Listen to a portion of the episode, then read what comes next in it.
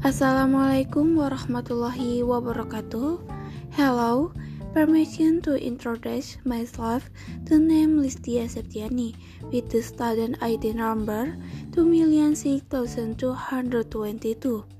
Permission added from read one question with the main negative effect of globalization affecting the next generation of the nation is the role of civic education needed to overcome this problem?